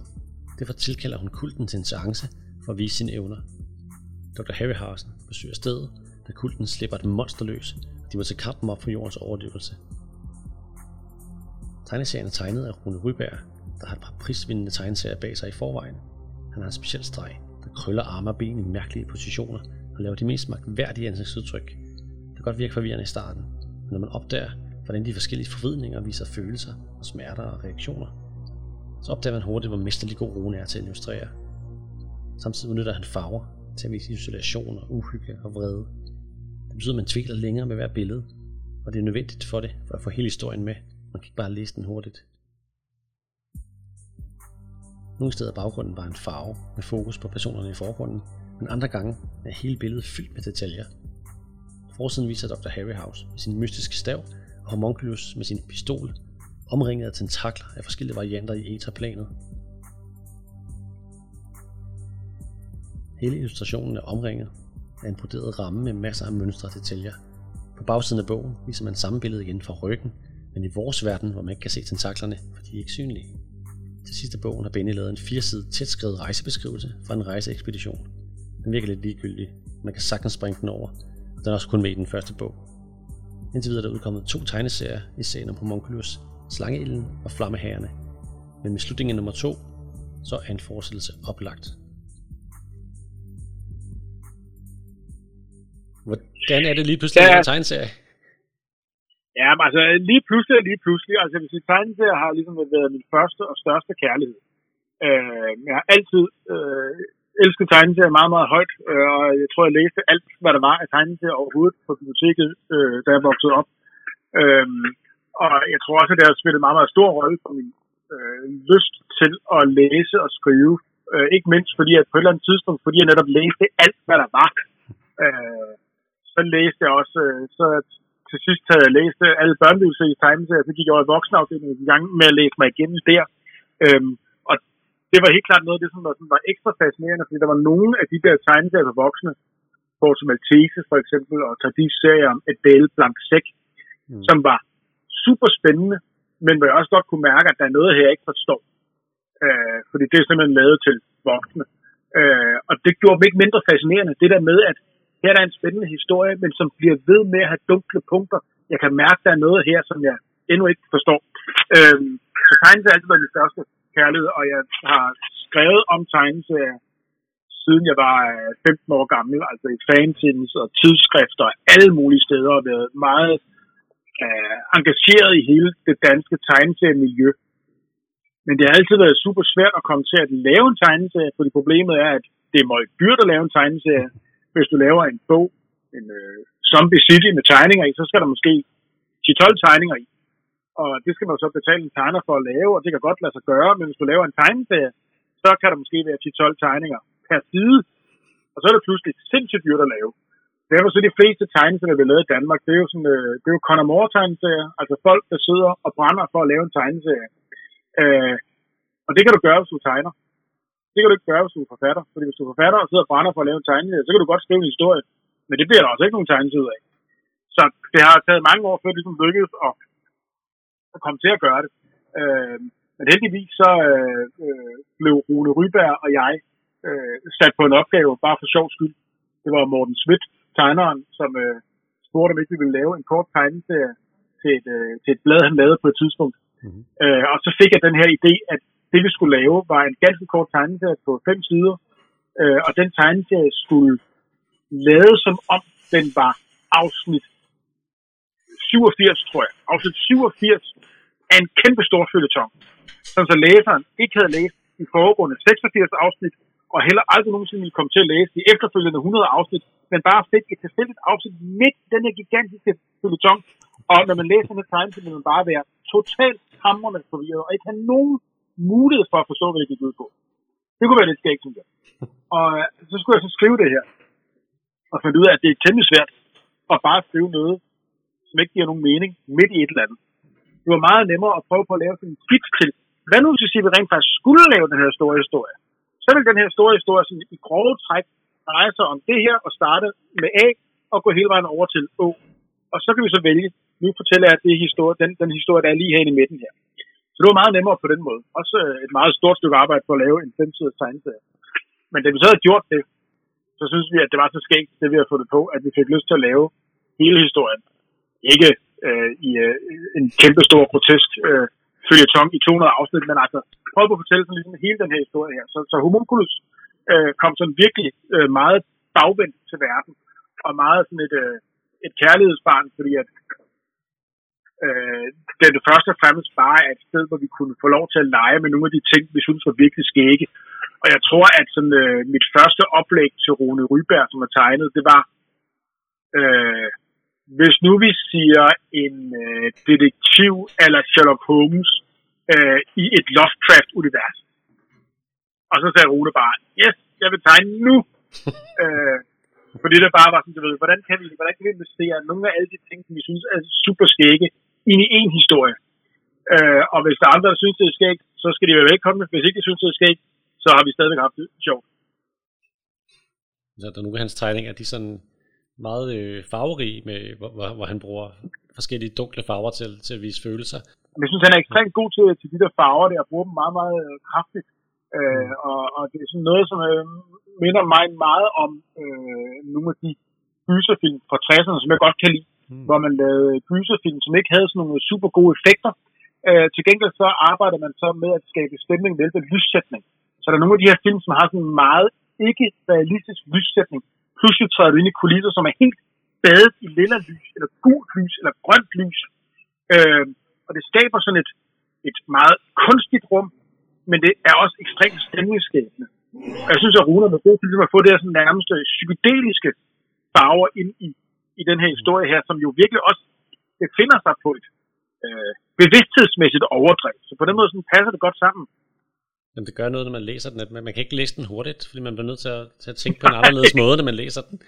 Det, ja, ja jamen helt sikkert. Helt sikkert. Så, jeg tænkte, okay, nu, så jeg endelig tænkte, nu har jeg vendet mig til det. Så kom der bare nogle tegninger med så sindssygt mange detaljer. Jeg, jeg, brugt en halv time på at lede efter detaljer, bare for at se, om jeg kunne finde easter eggs rundt omkring. Ja, ja, altså, jeg, jeg, jeg, altså, jeg, jeg havde nogle ting, hvor jeg, jeg først opdagede, altså efter, efter den udkom, jeg skulle holde et foredrag om, øh, om øh, det første Ben Homunculus på, øh, på en øh, litteraturfestival i, på Frederiksberg, og Rune skulle selvfølgelig have været med, men så var det lige, da der var en eller anden kæmpe stor øh, orkan, og Rune var blevet nødt til at blive hjemme i sit hus øh, i Nordjylland og holde på taget, for at det skulle væk. Så jeg stod der alene, og øh, Rune havde sendt mig nogle, øh, nogle filer, så jeg ligesom kunne blæse billederne op på væggen og vise dem til folk. Og så stod jeg og fortalte om historien, og så stod jeg pludselig og kiggede sådan, gud, den der tegning der, den er da totalt hugget fra Claus Delarang. øh, og det har jeg simpelthen ikke lagt mærke til før. Øh, øh, fordi at man, man jo, fordi der er nogle, i nogle gange er der så mange detaljer, som man ikke rigtig ser, øh, man, man, man ser det ikke, sådan, før man pludselig bliver tvunget til at stande op og kigge efter, eller, eller genlæse det, eller et eller andet. Hvad er en homunculus så? Du skal en homunculus er et, øh, et, øh, et kunstigt menneske. Øh, inden for sådan, den gamle alkemi, så havde man sådan ideen om, at det kunne lade sig gøre at skabe øh, i et laboratorium øh, et kunstigt menneske. Øh, simpelthen øh, dyrke det, øh, få det til at gro i, et, øh, i en øh, petri-skål øh, eller et eller andet, og så, og så øh, give det kunstigt liv. Øh, så det betyder faktisk bare et lille menneske. Men det er sådan ideen om det der med, at man kan skabe et kunstigt menneske. Øh, og så er homunculus i tegneserien er jo sådan en, øh, en, en lidt en stakker, som er blevet skabt af en, en, af en gruppe øh, okkultister, øh, som har skabt deres egen, deres eget menneske, fordi at de så håber på, at han kan blive den nye leder af deres okulte selskab, og som de så kan styre, at de kan styre hans vilje. Men i mellemtiden, så er han så blevet øh, hapset af Dr. Harryhausen, der bekæmper de her folk, øh, og som øh, selv prøver på at udnytte homunculus til at øh, være det redskab, der skal øh, endeligt besejre okkultisterne. Øhm, og det er sådan en historie, som jeg faktisk skrev som samtidig med, at jeg lavede en roman for voksne, som hedder Occidentens Stjerne. Øhm, og øh, Occidentens Stjerne har meget af, det samme, meget af den samme historie som Homunculus. Ikke at Homunculus er en tegneserieudgave af romanen, eller omvendt, men det var mere sådan noget i retning af, at jeg prøvede at sige, hvis den her historie skulle fortælles som tegneserie, så vil jeg gøre det her hvis den skulle fortælles som roman, så ville jeg gøre det her. Så de bevæger sig sådan to helt mm. forskellige steder hen, men de har på mange måder noget af det samme udgangspunkt. historien har også meget at gøre med det, der hedder Aetherplanet, som er sådan en usynlig verden, der ligger øh, om bag vores, og de her monster, de er. Hvor, hvor kommer den Ja. idé fra? Jamen altså, den kommer fra to ting. Øh, den kommer øh, dels fra, fra dels af ligesom sådan, vores egen udgave af astralplanet. Og astralplanet, det er ligesom det, som, som øh, visse okkultister mener er den egentlige virkelighed, hvor, øh, hvor tingene har en anden form, og, og øh, vi har en anden bevidsthed og, og, og så videre. Øh, men det kommer også af, at øh, det er jo noget af det, som fra okkultismen øh, resonerer virkelig meget med moderne øh, hjerneforskning. Altså moderne hjerneforskning kan jo fortælle os, at øh, vi ved utrolig lidt om, hvordan verden egentlig ser ud. Faktisk ved vi overhovedet ingenting om, hvordan verden egentlig ser ud. Fordi alt, hvad vi ved, det er det, vi får ind igennem vores sanser. Mm. Øh, og vores hjernes fortolkning af det, sanserne, det giver hjernen. Og hjernen, den gør det, at den fortolker ting ud fra, hvad der giver mening for hjernen, og hvad den er vant til. Så det vil sige, at rent filosofisk og øh, kognitionsforskningsmæssigt, så må vi konstatere, at vi ved ikke noget som helst om den verden, vi befinder os i. Den verden, vi befinder os i, kan se ud på en helt anden måde. Det er meget muligt, at det her det bare er dine sanser, der fortolker tingene og fortæller dig, at det ser sådan her ud, fordi det er den nemmeste måde at få det til at fungere på. Det ved vi ikke. Vi ved kun, hvad vores sanser fortæller os, og hvordan hjernen fortolker de her ting. Øh, det, er sådan, øh, det er sådan moderne hjerneforskning, moderne filosofi, og det klinger utrolig godt sammen med nogle af de mere øh, øh, kulørte, okulte forestillinger. Øh, og hvis man skal tage det sådan, øh, den del af af det okulte lidt alvorligt, så kan man sige, at sagen er jo selvfølgelig også den, at nogle af de her sådan meget mærkelige, øh, for os, for nogle af os meget mærkelige øh, trosretninger og esoteriske og okulte forestillinger, jo selvfølgelig ikke bare er folk, der har mærkelige idéer, men jo også er folk, der har prøvet på at forstå nogle af de store gåder, som vi stadigvæk ikke har svarene på. Øh, og der er øh, sådan helt det der æderplaner, astralplaner, alt det her jo, jo helt klart også et forsøg på at sige, eller på at erkende, at vi ved meget lidt om, hvordan verden i virkeligheden er. Det vi ved, det er, hvordan vi tror, verden ser ud. Måske er det hele bare en fiktion. Altså, du er meget inspireret og opdagelsesrejsende, og det er den samme tankegang, du har med, med de, alle de ting, vi ikke ved og ikke har fundet ud af. Jamen altså, jeg synes jo altid, at det er super fascinerende, det der med, at verden ser anderledes ud, end vi egentlig tror, den gør. Øh, fordi det, det ved vi jo godt, lige så snart vi går hen og kirker til tingene, lige så snart vi går hen og løfter for tæppet, lige så snart vi stikker hovedet rundt om hjørnet, så opdager vi jo, at der gemmer sig noget, som vi ikke vidste var der i forvejen. Øh, hvad enten det er, at vi rejser ud i verden, eller vi rejser ind i det indre rum, eller hvad det nu er. Ikke? Øh, og, og, og det er jo meget det, som der er i mange af mine bøger, altså også øh, både i børnebøgerne, hvor der er de her store mystiske ting, og konspirationer og opdagelsesrejsende. Øh, men det er jo også det, der er, når jeg skriver for voksne. Nu har jeg lige lavet en, en, en, en spionroman for voksne, der hedder Et hus på tusinde øjne, som jo på mange måder foregår en genkendelig hverdag i øh, Odsherred og på Lolland og i København, men som jo også handler om, at nede under den overflade, som vi alle sammen kender, så er der også en anden virkelighed, hvor det er hemmelige agenter, der mødes, og hvor telefonboksen ikke bare en telefonboks, men også et sted, hvor man afleverer hemmelige beskeder, og at der altid gemmer sig en skyggeby nede under den by, vi tror, vi kender. Benny skriver også bøger for de lidt ældre børn.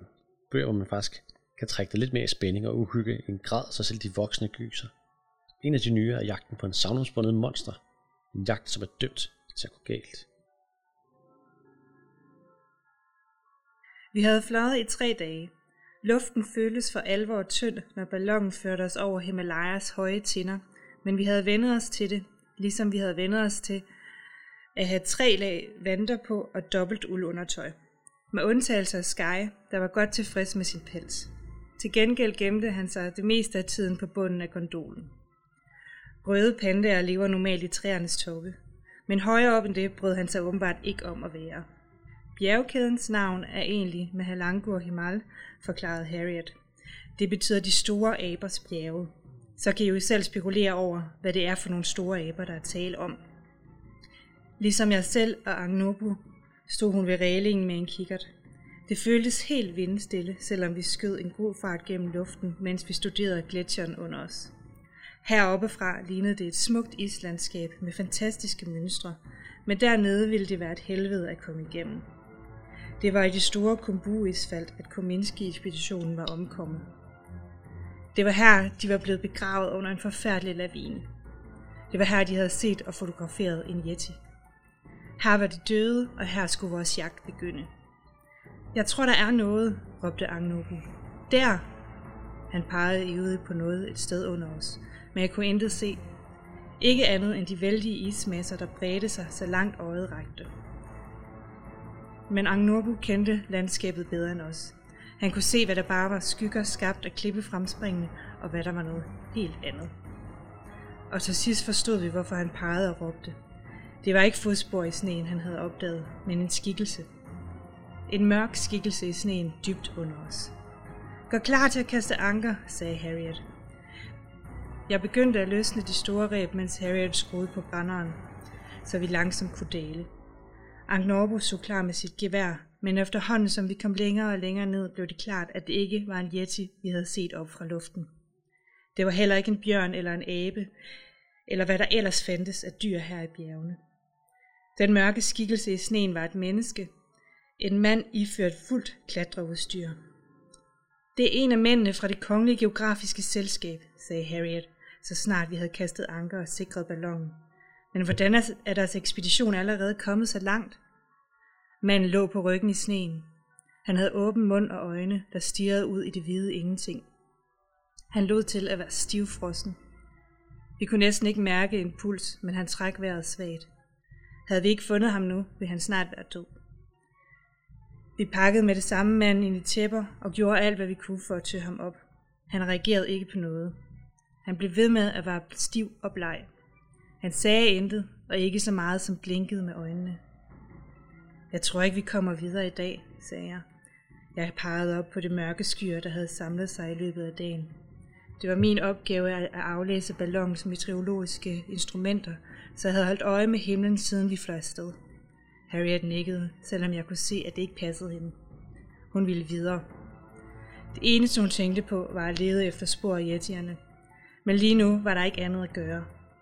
Med sådan et vejr risikerede vi at blive ramt af en kastevind og knus mod klipperne, hvis vi fortsatte flyvningen. Desuden havde staklen i sneen brug for hvile. Vi så lejer her, sagde Harriet endelig. Vi satte vores telt op i sneen, selvom der var noget uhyggeligt over stedet. Hvad lavede manden her midt i ingenting? Hvad var der sket? Hvorfor var han blevet forladt af sine kammerater? Isens Dæmoner, og den er skrevet af Benny Bøtker og udgivet på forlaget Korto. Den kan læses fra cirka 10 år, øh, også lidt tidligere, hvis man er en dygtig læser. Der er rigtig mange illustrationer i. Skrifttypen er stor og med, med god afstand, så den er sådan rimelig overskuelig at læse, selvom det er en forholdsvis stor bog. Den handler om opdagelsesrejsen og foregår i hele universet omkring opdagelsesrejsende i 1800-tallet, vil jeg tro. Det er ikke, af, altså det er ikke afgrænset præcis hvornår, men det er sådan en helt klassisk opdagelsesrejsende verden, som man kender fra rigtig mange andre værker, og som læseren helt sikkert også vil kunne genkende. Isens Dæmoner, den handler om forældreløse Elinor, der går på øh, frøken Deleuze forberedelsesskole for piger, som er en kostskole, Øh, Elinor er ikke særlig begejstret for at gå der, så da frøken Delert, hun tager øh, Elinor ud af timen en dag inden juleferien og siger, at Elinor kommer ikke tilbage efter juleferien, så bliver Elinor faktisk meget, meget begejstret. Øh, grunden til, at hun ikke kommer tilbage, det er fordi, at Elinors moster, øh, den meget, meget kendte opdagelsesrejsende fru Pratt, hun har annonceret, at hun vil tage Elinor ud af skolen og hjemmeskole hende. Eleanor, hun kender ikke rigtig mosteren særlig godt. Og fru Pratt, hun har nemlig en plan. Hun har tænkt sig, at Eleanor, hun skal hjælpe hende på hendes næste mission. Og hendes næste mission, det er om muligt øh, en endnu mere vild tur, end hun tidligere har været på. Det er en tur op i Himalaya-bjergene i luftballon. Det er der ikke nogen, der har gjort før. Øh, og det er der måske en ret god grund til, fordi det er farligt at flyve op i den tynde bjergeluft over Himalaya, øh, i en luftballon. Men det er altså det, fru Pratt hun har tænkt sig at gøre, og hun vil have Eleanor med. Grunden til, at de skal op, det er fordi, der månedsvis har været skriverier om en meget kendt ekspedition, Kominski-ekspeditionen, som er taget op i bjergene for at, at undersøge, hvad der foregår deroppe. Øh, de har sendt nyt ned efterhånden, men pludselig så er der altså blevet stille fra dem, øh, og eftersøgningen af dem den er gået i gang, og for, for nyligt har de desværre fundet ud af, at Kominski-ekspeditionen de er omkommet. Den officielle forklaring det er, at de er omkommet i en lavine, men rygterne de går på, at det er ikke lavinen, der har slået dem ihjel. Det er et dyr, der har angrebet dem. Ekspeditionens kameraudstyr det har på mirakuløs vis overlevet lavinen, og på det der kan man altså se nogle billeder af det, som formentlig har angrebet dem. Og her kan man se et øh, kæmpestort dyr på to ben, der nærmer sig. Øh, og fru Pratt, hun regner altså med, at det er yetierne. Og det er også det rygterne, de går på. Forsiden på Isens Dæmoner, det er sådan en, en helt klassisk opstilling, hvor man ikke er i tvivl om, hvad det er, der skal foregå. Den har nogle super fede klassiske farver, øh, og det er meget tydeligt, at det handler om opdagelsesrejsende. Den er opstillet lidt ligesom en filmplakat, hvor Eleanor er i forgrunden med sin, øh, med sin røde panda. Øh, og bagved der står for Pratt og så Himalayas bjerge. Illustrationerne i bogen, de er i samme stil. Meget klassiske farver, øh, afdæmpede farver, så de kunne godt være sådan fra 1800-tallet. Men samtidig så kan man godt se, at det er, det er nyere, og de er meget sådan, der er virkelig gang i dem, og man er ikke i tvivl om, hvad det er, der foregår, og hvor hæsblæsende historien er. Det understøtter illustrationerne i bogen virkelig godt. Illustrationerne de er lavet af Christian Eskil Jensen. Isens Dæmoner det er en bog, som man på en måde føler, man har læst før, men som man godt kan mærke, man ikke har. Øh, den overrasker samtidig med, at den føles meget velkendt, fordi der er associationer til alle de klassiske opdagelsesrejsende øh, fortællinger, øh, som man kender fra tidligere. Derudover så synes jeg også, at den har sådan en vibe, man kender fra det gyldne kompas og, og den, den genre, som også er lidt mere fantastisk, men helt klart en klassisk opdagelsesrejsende bog. Opdagelsesrejsende som tema. Der er det Shambhala, der dukker op, øh, som, som også faktisk er i de syv nøgler, og, og også bliver nævnt i Homunculus. Øh, er, det, er, er det sådan et specielt sted for dig, eller har jeg bare været heldig, da jeg valgte litteratur ud? Nej, altså, øhm, øh, altså, det er sådan en af de øh, forestillinger og myter, som jeg synes er utrolig fascinerende. Øh, ikke mindst fascinerende, fordi den har øh, tiltalt så mange mennesker og har øh, og er blevet til en del af så mange menneskers forestillingsverden. Øh, hele den her idé om øh, Shambhala, og at der findes et eller andet mystisk rige i, øh, i Himalaya, hvor folk var ekstra oplyste og havde tidligt udviklet teknologi og sådan noget, er jo sådan en, en, øh, en super fascinerende og helt bindegal idé, øh, og som jo sådan er lidt af i stil med sådan noget som det, der hedder astroarkeologi, øh, som jeg er i gang med i øh, en ny øh, børneroman. Øh, altså så var den her idé om, at øh, du ved, pyramiderne er i virkeligheden ikke er lavet af egypterne, men derimod er folk fra det ydre rum, der er kommet med en ekstremt avanceret teknologi for 10.000 år siden og bygget de her pyramider. Ikke? Og det er jo selvfølgelig noget, det er jo selvfølgelig noget totalt vrøvl, men det er sådan meget frugtbart vrøvl, for man får med det samme en eksplosion af idéer og forestillinger i hovedet. Øh, og det samme med alt det her Shambhala-mytologien, som, jo, vi kan, som du kan se, at, at den ligger jo også som en del af Lovecrafts øh, forestillingsverden, eller blevet inspireret af det.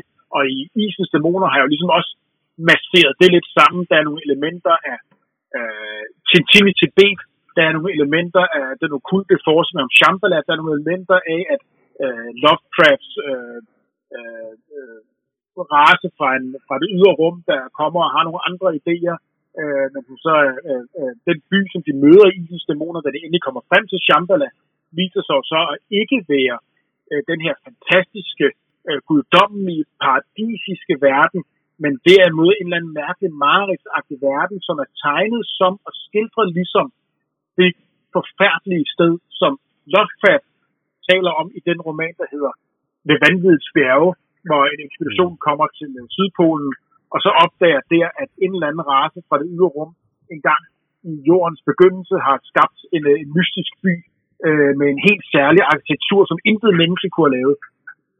Det er sådan nogle af de her sådan, øh, jeg vil sige, sådan meget øh, frugtbare idéer, som jeg synes bliver ved med at give inspiration til ting, man har lyst til at fortælle, og ting, man har lyst til at gå på opdagelse i. Historien minder faktisk også lidt om, øh, om en af de syv nøgler. Med, ja, øh, ja. Ulriks rejse. Jamen, altså, ja. Ja, jamen helt, helt klart. Altså, jeg havde, jeg, jeg havde sådan lidt lyst til at prøve på at udfolde det sådan lidt mere grundigt. Jeg havde en fest, da jeg læste den, med at finde referencer til Lovecrafts historie og hans familie på de navne, Ja, ja, ja, ja. Ja, ja, jamen helt, helt klart, helt klart. Det, er- det, det, jo også, det jo også det fedt for nogle gange selv, når man sidder og laver de her ting. Ikke? Nu har jeg selv lige brugt Derlet som, øh, som en reference, og så dukker den op som børnehjem og tænker, hvad fanden? Ja. og så gik jeg bare på det, jagt. det, det, det, er sjovt, når man ved det, og hvis ikke man ved det, så gør det heller ikke. Men hvordan skriver du egentlig dine bøger? Øh, Er, er det sådan, at du er i gang med 100 historier på én gang, eller, eller tager du en, og så fokuserer du den fuldstændig færdigt, eller hvordan gør du? Ja, altså, som regel skriver jeg en bog ad gangen, men når jeg så... Øh, men enhver historie har altid godt af, at på et tidspunkt, så ligger hvile lidt, så man kan vende tilbage til den og øh, finde ud af, hvad man synes, der skal laves om og kan gøres bedre og sådan noget. Øh, så der kaster jeg mig. Der, der, der bruger jeg ligesom øh, den pause til at gå i gang med nogle andre historier. Øh, altså i stedet for at øh, lave ingenting. Øh, fordi at, øh, det er altid bedre at lade, så lade historien ligge en måned og vende tilbage til og læse den igen. Øh, fordi man er nødt til at lave en, læse en historie igen 7, 8, 9 gange og rette den 7, 8, 9 gange, før man ligesom ikke synes, man kan, man kan gøre det bedre. Øh, og for hver gang er det en god idé, at man lige sådan får et nyt blik på. Så der er det, en, der er det godt sted at sætte ind og lave en anden historie. Så der er tit det, at- det at jeg skriver en stor historie, og så i pausen af den store historie, skriver jeg nogle små historier. Mm. Øhm, også fordi, at når først man er i gang med en historie, så er det altid meget frugtbart, og så får man altid idéer til flere andre historier, som man har lyst til at gå i gang med. Øh, fordi jo mere, man, jo mere man sidder og prøver på at få idéer, jo flere idéer får man. Øh, og idéer giver nye idéer. Øh, så jeg har altid sådan øh, en liste med historier, jeg godt kunne tænke mig at skrive, og som jeg ikke kan skrive, fordi nu skal jeg altså lige skrive den her, men så måske øh, næste gang kan jeg kaste mig over en af dem, men så er listen jo så i mellemtiden blevet endnu længere. Øh, så jeg, jeg kommer aldrig sådan helt til at løbe tør for, for historier. Lad os da lige tage øh, rejsen ud til et univers, som øh, du meget sjældent er i, som, øh, som også overrasker mig lidt. Med både science fiction og samuraier blandet sammen i en, en fin pærevælling. Til sidst skal vi rejse et helt andet sted hen end gys og zombier. En kombination af både fortid og nutid, når Benny kombinerer samuraier og science fiction. Kimura kaster sig op på sin iJet og vrider håndtaget i bunden. Han kigger hurtigt bagud. Der er fire soldater på hver sin maskine. De sendte ud af den frygtede Shogun for at lede efter ham. Kimura holder sig helt nede ved jorden og svinger sig skarpt til højre, ind gennem vinduesåbningen i en ruin. Han sænker farten og drejer om endnu et hjørne. Måske tør de ikke følge efter ham, men der er ikke meget plads mellem de ødelagte vægge. Foran ham er der et hul. Måske en nedgang til et gammelt beskyttelsesrum. Han dykker. Var det nu går godt. Du er blevet set bevæbnet, kan han høre soldaterne råbe. Kun samuraier må bære våben. Hvis du overgiver dig frivilligt, vil der intet ske. Kimura følger gangen fremad. Han ved godt, det er forbudt at komme svær, når man ikke er samurai. Altså han kriger i tjeneste hos en shogun. Men han er også en kriger. Han er bare en ronin. En samurai uden hære. Men det er ikke derfor, de er efter ham. De vil fange ham, fordi han er forældreløs. Fordi han er flygtet fra børnelejrene, hvor han var anbragt sammen med alle de andre forældreløse. Alle børn skal gå i skole og opdrages til at tjene en shogun. Men så skal give mig magt. Bare gang nu ikke ender blindt, siger han for sig selv. Men det samme får han øje på en opgang. Han bliver skråt opad. Endelig er han op i lyset igen. Det er et godt stykke ud for byen. Ikke langt fra bjergene og skovene. Han ser sig op. Han får med det samme øje på soldaterne. De er stadig lige hele på ham. Deres iJets må have supersoniske følere. En af dem sætter turbo på sin flyver. Han trækker sit svær. Kimura griber ud efter sit. Men det havde han jo mistet. Så dalen lader sit svær suse gennem luften. Kimura læner sig hurtigt til siden, så hans eget vipper. Så skynder han sig at dykke. Soldaten fortsætter forbi ham. Så retter Kimura sig op og vinder. Nu flyver han lige mod de tre andre soldater. Han låser styret på sin eget Han tager en bue og stiller sig op på siden. Den mindste rystelse, og han vil styre ned. Han spænder buen og sigter på de første soldaterne. Hvis han rammer, kan han måske få ham til at rive de to andre med sig i faldet. Netop som pilen flyver afsted, bliver han selv vildt omkuld. De fire soldater vender om og sparker ud efter hans iJet. Kimura lander på maven på iJetten. Hun kipper hurtigt ud efter styret. Den hopper og svinger. Det er svært at holde sig fast. Den er begyndt at bombe i luften. Motoren er gået ud. Han sparker maskinen i siden og forsøger at få gang i den. Så opdager han soldatens dolk. Den sidder lige i siden på motoren. Der kommer sort røg ud. Han tækker højt. Så styrter han ned mod bambusskoven og langt ned.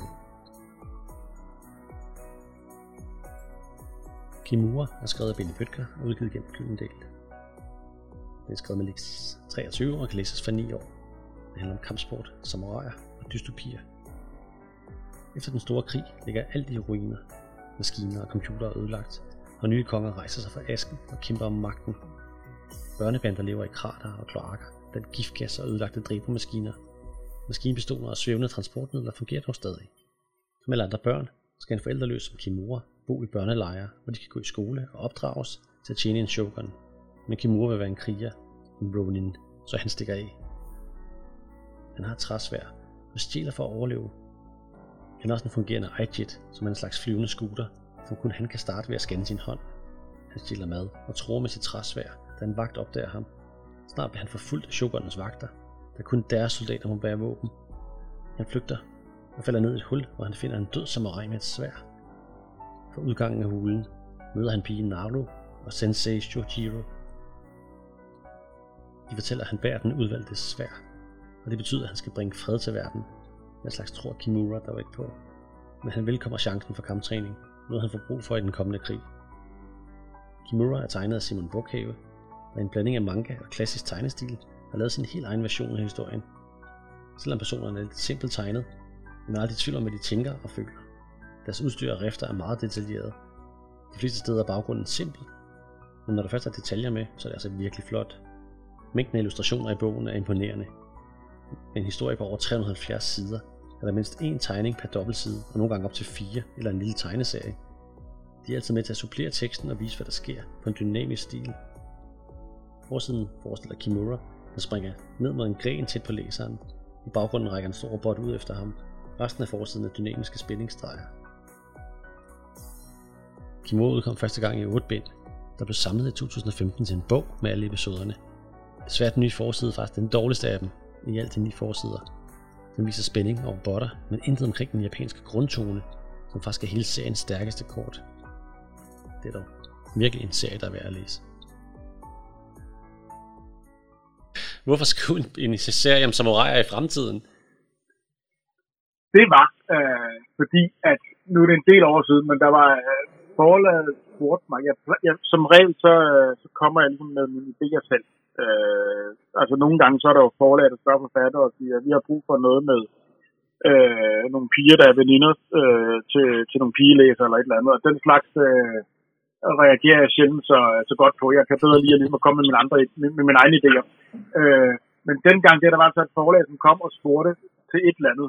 Øh, det var sådan noget, et eller andet de agtigt Mm. Øh, og jeg sagde, okay, det skal jeg nok kigge på. Og så gik jeg hjem og kiggede på det, og så tænkte jeg, det her, det er simpelthen for dødssygt gammeldags uinteressant. Hvad i himlens navn har moderne børn dog at øh, bruge sådan noget øh, kedsomligt noget med øh, børn, der render rundt og skal opklare øh, smuglerhistorier på stranden. Hvad skal de bruge det til? Øh, og så tænkte jeg, hvis man skal lave noget, der ikke er gammeldags, så skal det være noget, der går et helt andet, helt andet sted hen. Og det, der skete lige der, det var, at øh, sådan hele manga-tingen eksploderede. Altså, at øh, pludselig var der en kæmpe stor interesse for manga. Mm. Og noget af det, som manga virkelig gjorde, det var jo, at altså, manga jo nogle gange gør, manga kan jo være som helst, men altså, det som manga nogle gange gør, det er jo, at vi er fuldstændig ligeglade med øh, vores, i hvert fald vestlige opfattelser af genre, og hvad der hører sammen, og hvad der ikke hører sammen.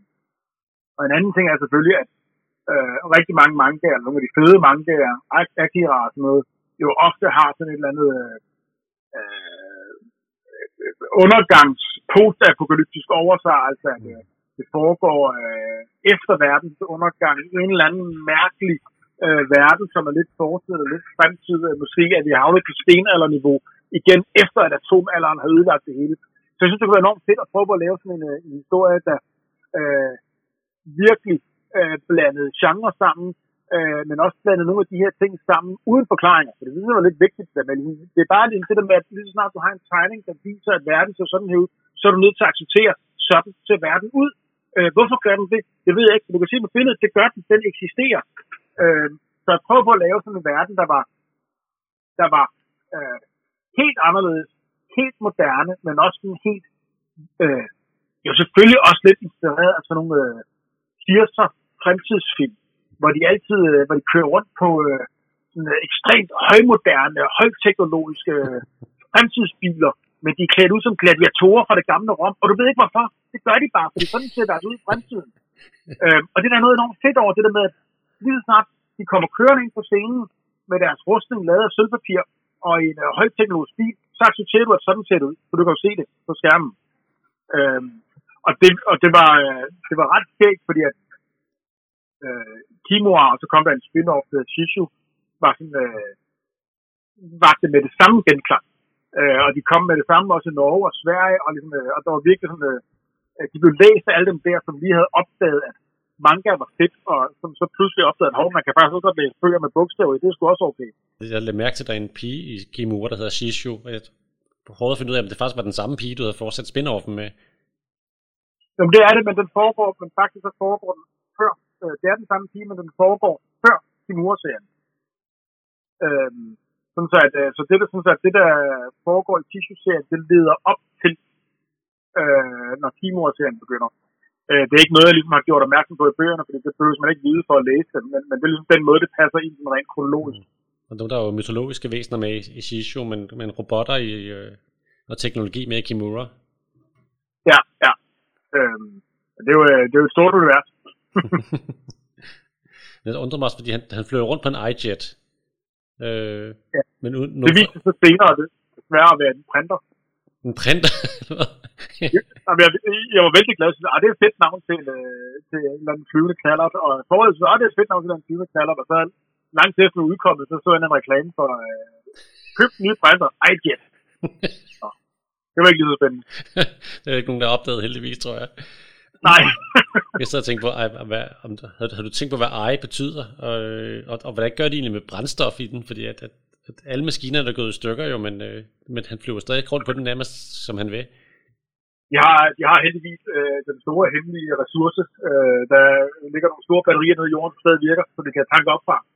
øhm, ej, altså, det er jo en af de der ting med, at øh, jeg synes, når man skal søge de der altså hvis man skriver de der romaner, altså øh, Isens Dæmoner og øh, og sådan noget, så kan man ligesom, øh, så kan man komme med de der forklaringer der. Jeg synes, at hvis man, øh, når man laver de der meget korte, som skal kunne læses hurtigt øh, og let, mm. øh, så er man nødt til at springe direkte ud i historien. Mm. Øh, de der sådan, verdensbygningsting, øh, de slår historien igen. Altså der, må ligesom, der, der, der bliver sådan, du er, nødt, du er nødt til ligesom at sige, sådan her ser verden ud. Og øh, der er en forklaring, men den får du ikke her. Fordi det er ikke det, der er historie. Øh, det fungerer. Øh, og hvordan det fungerer, det må du selv finde ud af, eller også må du øh, stole på, at den er der. Men du får den ikke her, fordi så, fordi så, vil, så vil det ikke være plads i historien her. Øh, det er ligesom, det, er ligesom, øh, det synes jeg, man er nødt til, når man er, altså, man er nødt til at droppe de der fodnoter øh, mm. om, øh, hvordan det fungerer. Men når man laver romanerne, så kan man folde det ikke? Så kan man tage de ting med. Her, her, her, er der som ligesom et, altså, sådan noget som Kimura og den slags, det skal være sådan, øh, det er et computerspil. Du sætter dig ind, og du bliver kastet afsted, og så stopper du igen, ikke? ja, og det er også imponerende, at Simon Bukhave, som har tegnet den, han, øh, han, har, han har lavet nærmest tre eller fire illustrationer på hver eneste side af, af en samlet historie på det er 370 ja, ja. sider med næsten tre eller fire tegninger på hver, hver, på hver dobbeltside. Ja. Hvordan i ja, verden har du fået ham til det? Det skulle have, det skulle ligesom have lidt af den der øh, tegneserieeffekt, uden at være en tegneserie. Ikke? Vi havde sådan en klar idé om, at vi ville ikke, vi vil ikke lave egentlig tegneserie. Øh, vi, men vi vil gerne lave tæt illustreret. Fordi vi havde ikke lyst til ligesom at have talebobler den slags. Øh, så det ville vi gerne have, hvis det var en rigtig tegneserie, men jeg, jeg er ikke en super fan af det der med at blande tekst og taleboble tegneserie. Mm. Jeg, jeg foretrækker ligesom, at det er enten det ene eller det andet. Og den var faktisk god til at, øh, til at man blev nødt til at kigge på tegningerne for, for at forstå, hvad der var en gang imellem, for det blev ikke forklaret, når du kiggede på tegningen. Så jeg tænkte, jeg har haft ja, et godt ja. samarbejde der. Ja, jamen, altså, altså sad og skar, altså, sad og skar ting ud undervejs, ikke? fordi når, når, altså, der var nogle steder, hvor at Simons tegninger skulle øh, gøre det nemmere at forstå, Men der er også nogle steder, hvor Simons tegning har gjort ting overflødige. Der er ikke nogen grund til, at du skal sidde og læse en beskrivelse af, hvordan det ser ud, hvis du kan se på billedet, hvordan det ser ud. Mm. Fordi så er, så er teksten bare overflødig. Så, så jeg sad også og fjernede tekst, efter at Simon havde tegnet. Så for det forklarer de der gode overgange, der er kommet. Ja, ja, helt klart. Hvad sidder du så og skriver på lige nu egentlig? Fordi at, øh, nu er du i gang med så mange projekter, som øh, ret tit er opdagelsesrejsende og horror, men øh, nu går Jamen over. altså, øh, nogle forskellige, der er nogle forskellige ting, der er forskellige faser, men det vigtigste er, at øh, jeg har en stor roman, som er sådan lidt i stil med den, der hedder øh, Krystalskibet, som er lavet sammen med Rasmus Breinhøj, og vi er i gang med en ny roman, som er meget i det samme univers som Krystalskibet og Isens Dæmoner, øh, altså den type, og Kraken, den type historie, ud på eventyr, og så er der noget, noget overnaturligt, eller noget, i det her tilfælde astroarkeologisk på spil Uh, og, øh, og øh, sådan en god blanding af Jules Verne og Lovecraft, fordi det øh, har jeg aldrig opnået at kunne lide. Øhm, og så er jeg i gang med sådan nogle korte letlæsningshistorier. Øh, en, øh, en kort øh, øh, fantasy letlæsningshistorie, øh, som hedder Månetårnet, som øh, Christian Eskild Jensen skal tegne, og han er jo ham, der har tegnet Isens Dæmoner. Mm. Øh, og så lige nu i dag øh, er lige i gang med at afslutte den to af en ny øh, sådan agent spændingsserie, som også bliver sådan noget letlæsningshistorie. Så det er sådan de tre ting, jeg arbejder på lige nu, og som er sådan en varierende grad af næsten færdig, ikke helt færdig, måske snart færdig. du skal altså have virkelig mange tak, fordi du gad være med. Jamen det var så lidt. Men tak for i dag. Det lyder godt. Ja. Vi snakkes ved. Det gør vi her. Hej hej. Hej. Tak fordi I lyttede til portalen og bibliotekernes podcast om alle de fedeste ting, du kan finde på biblioteket. Din vært var Bjarne Nordberg Petersen, og jeg håber, du vil lytte igen til næste udsendelse. Tak for i dag.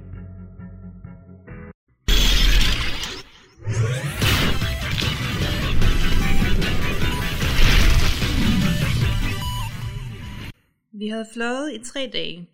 Luften føltes for alvor tynd, når ballonen over... Når... Prøv lige forfra. Forfra! Så du siger her. ja, du skal holde op med. Jeg gider ikke høre på det der jyske noget der. Så skruer jeg bare op for det, hvis du går rundt på det der. Så går jeg helt af det med det på den.